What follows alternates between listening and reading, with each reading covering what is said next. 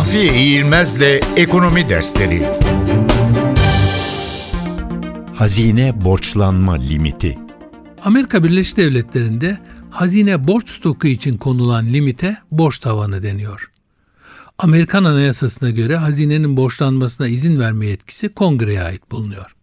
Fazla bilinen bir şey olmasa da Türkiye'de de benzer bir sistem var. Bu sistemde Amerika Birleşik Devletleri'ndeki gibi borç stokunun ulaşabileceği limit yerine hazinenin her yıl yapabileceği borçlanmanın limiti belirleniyor.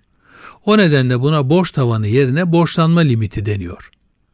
Hazine her yıl bütçe kanununda yer alan başlangıç ödenekleri toplamıyla yine bütçe kanununda tahmin edilen gelirler arasındaki fark kadar net borç kullanımı yapabiliyor.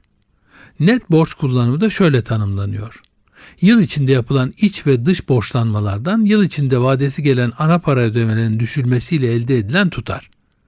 Demek ki hazine için yıllık borçlanma limiti o yıl yapacağı borçlanmayla ödeyeceği borçlar arasındaki net farkın o yılın bütçe açığıyla sınırlı olması anlamına geliyor.